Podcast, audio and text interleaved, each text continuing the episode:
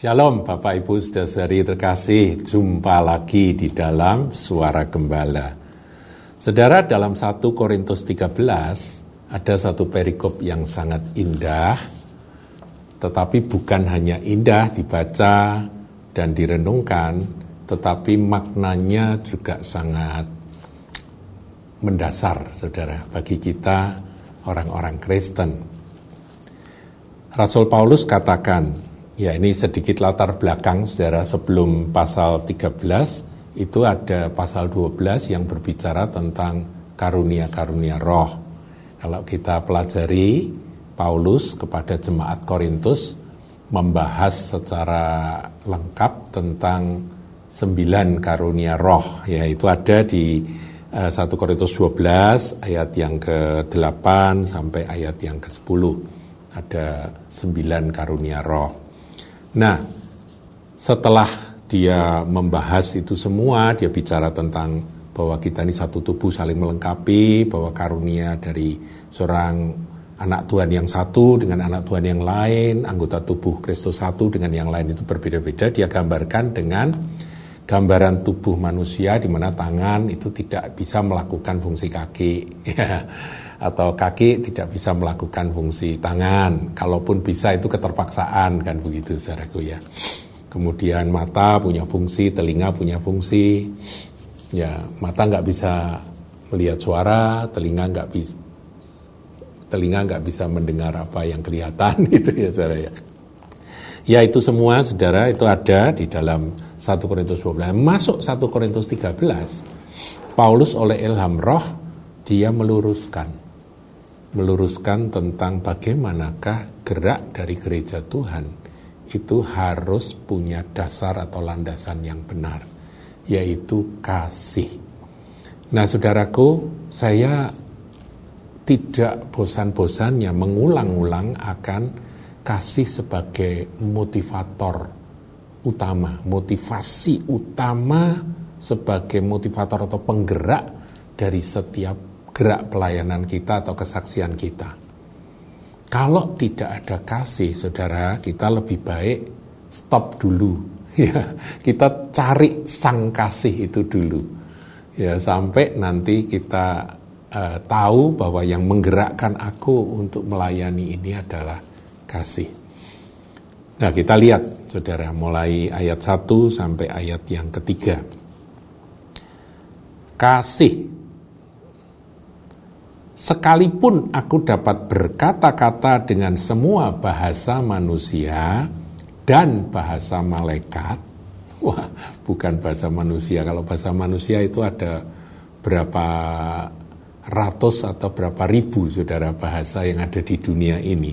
Paulus sampai berkata, kalaupun aku dapat berkata-kata dengan semua bahasa manusia, Inggris, Perancis, Spanyol, ya, Arab, bahasa Portugis, bahasa Swahili, bahasa apalagi saudaraku ya, Indonesia, Indonesia belum lagi suku-sukunya ya, bahasa Jawa, bahasa Sunda, bahasa Madura gitu ya saudara. Oh, menguasai semua bahasa, bahasa Mandarin, Mandarin aja di Tiongkok saudaraku ada begitu banyak dialek. Banyak sekali bahasa yang kamu bisa kuasai, eh bukan hanya manusia, dan malaikat. Wow, kalau malaikat itu saudaraku itu sudah urusannya dengan yang supernatural. Bahasa malaikat itu dipakai oleh Rasul Paulus. Tetapi jika aku tidak mempunyai kasih, aku sama dengan gong yang berkumandang dan canang yang gemerincing. Karena bahasa itu untuk bicara. Jadi kita menyampaikan firman karena menguasai berbagai macam bahasa, pakai bahasa itu orang mendengarkan akan penyampaian dari berita Injil yang kita beritakan.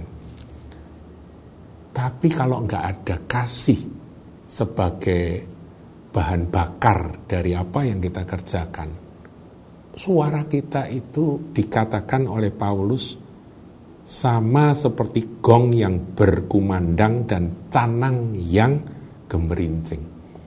Cuma ya bunyi-bunyian yang nyaring dangdung dangdung gong yang canang ceng ceng ceng ceng ya seperti itu saudaraku berarti nggak ada isinya Manusia adalah makhluk roh, saudaraku. Mereka itu mendengar sesuatu yang mungkin akal budi mereka menangkap dan menerima. Tetapi apakah hati mereka terjamah? Ini pertanyaan. Saudara bisa berbicara dalam bahasa mereka karena belajar, karena karena punya karunia. Tapi kalau nggak ada yang menjamah hati, yaitu kasih. Seperti gong yang berkumandang dan canang yang gemerincing. Saudara menasehati, kalau nasihat itu keluar bukan dari hati nurani yang murni, ya dikatakan ya dalam surat Timotius, bukan dari hati nurani yang murni yang didorong oleh kasih Kristus. Saudaraku nggak ada kekuatannya. Itu hanya suara-suara bagus yang mungkin enak didengar, tetapi nggak ada faedahnya. Ya, cukup mengejutkan saudaraku. Jadi kita ini kalau menasihati orang, memberitakan Injil, khotbah, ngajar atau apa pun, kita harus tanya Tuhan, apakah kasih itu ada di dalamku atau tidak. Sebab kalau nggak ada, saudaraku, percuma. Nah, kita akan lihat, saudara, sebenarnya kasih itu apa? Tuh? kita lihat ya. Uh, eh, 1 Yohanes 4 ayat 7. Saudara-saudaraku yang kekasih, marilah kita saling mengasihi sebab kasih itu berasal dari Allah. Dan setiap orang yang mengasihi ia lahir dari Allah dan mengenal Allah. Kemudian ayat 8, barang siapa tidak mengasihi, ia tidak mengenal Allah. Artinya ketika engkau menyampaikan sesuatu dengan bahasa yang kau kuasai, tapi ketika tidak ada kasih, itu ya seperti ini saudaraku. Sebab dikatakan ayat 8 ya kita ulangi ya. Barang siapa tidak mengasihi artinya tidak berbicara itu tidak ada kasih, unsur kasih di dalamnya ia tidak mengenal Allah dikatakan begitu. Sebab Allah adalah kasih. Jadi yang membawa kita mendorong kita untuk memberitakan Injil, menasehati, menyampaikan kebenaran firman itu harus ada isinya, Saudara. Harus ada ada powernya dan powernya itu adalah Allah sendiri yang adalah kasih. Itu bisa di, dirasakan oleh orang yang mendengarkan. Paham ya saudara ya? Nah, yang disebut Allah di sini tentunya Allah Tritunggal. Bukan Allah Bapa saja, tapi Bapa, Kristus, dan Roh Kudus itu adalah kasih. Jadi orang bilang aku diurapi. Saudaraku, pengurapan itu harus mengandung kasih. Kita punya karunia, karunia, karunia berkata-kata ya nih ya, dan karunia eh, apa itu segala bahasa, termasuk bahasa roh, menafsirkan bahasa roh dan sebagainya itu itu karunia, saudara. Ini berbicara karunia kan, ini kan tadinya kan pasal 12 bicara karunia. Eh, ini demikian, saudaraku. Harus ada kasih. Kemudian yang kedua, kalau yang pertama itu berkata-kata ya.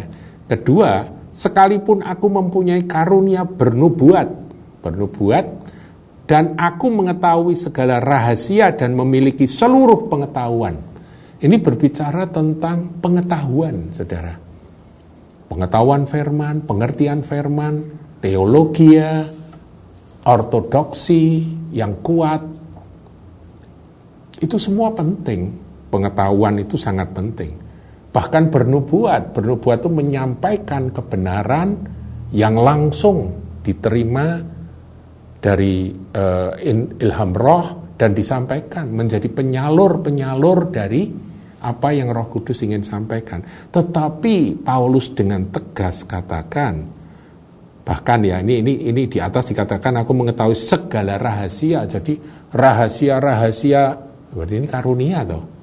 Karunia rahasia di hati orang dia tahu ya. Saudara kita sering lihat ya ada hamba Tuhan yang diurapi yang bisa mengetahui akan situasi kondisi yang ada bagi orang-orang yang dilayani itu hebat sekali saudara dan seluruh pengetahuan pengetahuan firman maupun pengetahuan tentang uh, situasi kondisi dari orang-orang yang dilayani Jadi karunia marifat begitu ya saudara. Dan sekalipun aku memiliki iman yang sempurna untuk memindahkan gunung, gunung aja dipindahkan, saudara. Orang mati dibangkitkan, orang sakit disembuhkan, imannya kuat sekali, dahsyat sekali. Tetapi jika aku tidak mempunyai kasih, ya Allah adalah kasih. Yesus Kristus, Roh Kudus adalah kasih.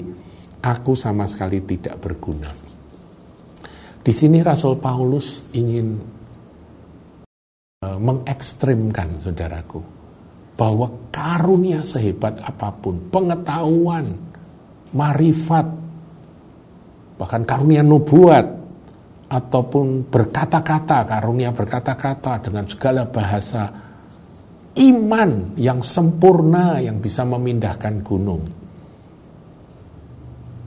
Itu pun kalau tidak didorong oleh kasih, dikatakan sama sekali tidak berguna. Barangkali saudara, bagi yang dilayani berguna, tapi bagi kita tidak berguna. Itu Paulus mau katakan. Ya nanti di bawah tidak ada faedahnya bagiku. Itu yang ketiga. Jadi kalau kita melihat ayat satu dikatakan canang yang gemerincing, gong yang berkumandang kalau tidak menjamah hati. Kemudian yang kedua, karunia-karunia bekerja, karunia penubuat, karunia marifat, karunia pengetahuan, karunia mengetahui rahasia-rahasia yang ada di hati orang, sekalipun memiliki iman sempurna, orang lumpuh berdiri berjalan, orang sakit disembuhkan, mata buta melihat dan sebagainya, tetapi jika tidak mempunyai kasih, aku sama sekali tidak berguna. Ekstrim, saudara. Ekstrim. Ini perlu menjadi pegangan buat kita. Bahwa kasih itu harus kita kejar. Nanti di pasal yang ke-14 ayat 1 dikatakan, kejarlah kasih itu. Suruh ngejar, saudara.